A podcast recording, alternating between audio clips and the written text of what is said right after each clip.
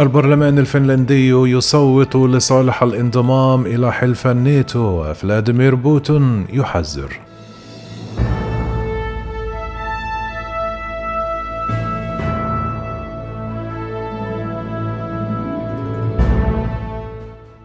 اعتبر خبراء أن خطوة السويد وفنلندا للتقدم بطلب الحصول على عضوية حلف الناتو سوف ينهي 75 عاما من عدم الانحياز العسكري للبلدين وقد يجر المنطقة إلى حرب جديدة على غرار أوكرانيا.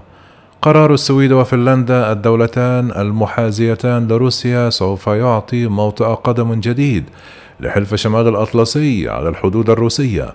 من شأن القرار الذي جاء إثر مخاوف من مصير أوكرانيا كما تعارضه تركيا وكرواتيا أن يغير خريطة أوروبا جغرافيا واقتصاديا وعسكريا وذلك بحسب صحيفة الواشنطن بوست الأمريكية. كما حذر الرئيس الروسي فلاديمير بوتين معتبرا أن توسع حلف الناتو يعتبر مشكلة تصطنعها الولايات المتحدة الأمريكية بشكل عدائي لخدمة مصلحتها الخارجية ويقول يقومون بذلك للتأثير على أمن المنطقة. خسرت فنلندا خلال الحرب العالمية الثانية عقب حرب الشتاء مع روسيا نحو عشرة بالمائة من أراضيها بموجب اتفاق السلام النهائي.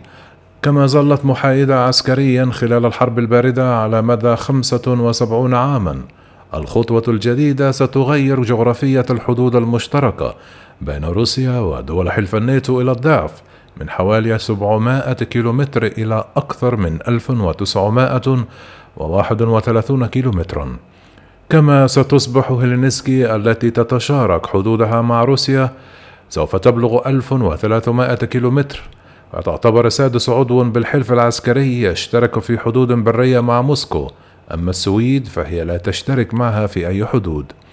وفقا لصحيفة الواشنطن بوست الأمريكية تثير قضية الحدود مخاوف موسكو حيث يتوسع الناتو بمرور الوقت باتجاه الجهة الغربية لروسيا منذ انهيار الاتحاد السوفيتي.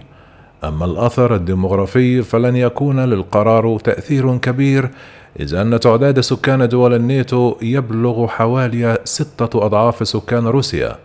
اقتصاديا بلغ إجمالي الناتج المحلي للدول الأعضاء في الناتو في عام 2020 ما يعادل 27 ضعف الناتج المحلي لروسيا وبعد إضافة فنلندا والسويد سيصبح 27.6 مقارنة بروسيا وذلك وفقا لتقرير نقلته صحيفة الواشنطن بوست. يقول الخبراء المختصون بالشأن الروسي أن انضمام فنلندا للناتو يشكل مخاطر كبرى على الأمن القومي الروسي وقد يشعل حربا جديدة. كما يضيف الخبراء أن حلف الناتو يسعى إلى تطويق روسيا وانضمام فنلندا والسويد يساعدان في تسريع تنفيذ تلك الخطة. كما لفت الخبراء أن موسكو تعتبر انضمام فنلندا لحلف الناتو توسعا للحلف شرقا في اتجاه الاتحاد الروسي وهو يتساوى في التهديدات مع حالة أوكرانيا وقد تجبر موسكو بالدفاع عن نفسها بعملية عسكرية خاصة في فنلندا على أوكرانيا لكن تلك الحرب قد تتوسع إلى حرب عالمية ثالثة إن انضم البلدين للناتو. أثارت محاولات الدول الإسكندنافية الانضمام للناتو غضب موسكو التي تتهم التحالف العسكري الغربي بتطويق حدودها كما وعد مسؤولون الكرملين بخطوات انتقامية بما في ذلك نقل الأسلحة إلى مكان أقرب إلى أوروبا كما أوقفت موسكو السبت الماضي إمدادات الكهرباء إلى فنلندا.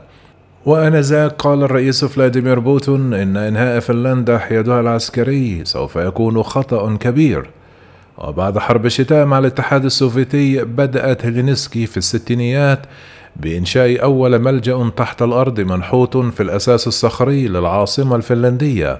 ووصل الآن نحو 500 منحوتة أسفل البلاد وتكفي لتخزين خمسون ألف حافلة وذلك وفقا لتقرير قدمته صحيفة ديلي ميل البريطانية يقول الخبراء إن حوار الرئيس الروسي ونظيره الفنلندي اتسم بالمصارحة والعقلانية.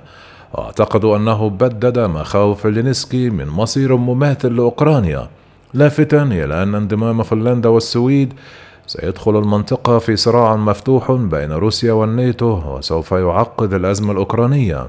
كما صرح الخبير بأن انضمام فنلندا والسويد سيجعل الحلف العسكري يتوسع إلى حدود روسيا وهو أمر لا طالما حذرت منه موسكو وكان أحد أسباب الحرب الحالية مستبعدا أن يشن الرئيس الروسي في الوقت الحالي عملية عسكرية جديدة ضد فنلندا.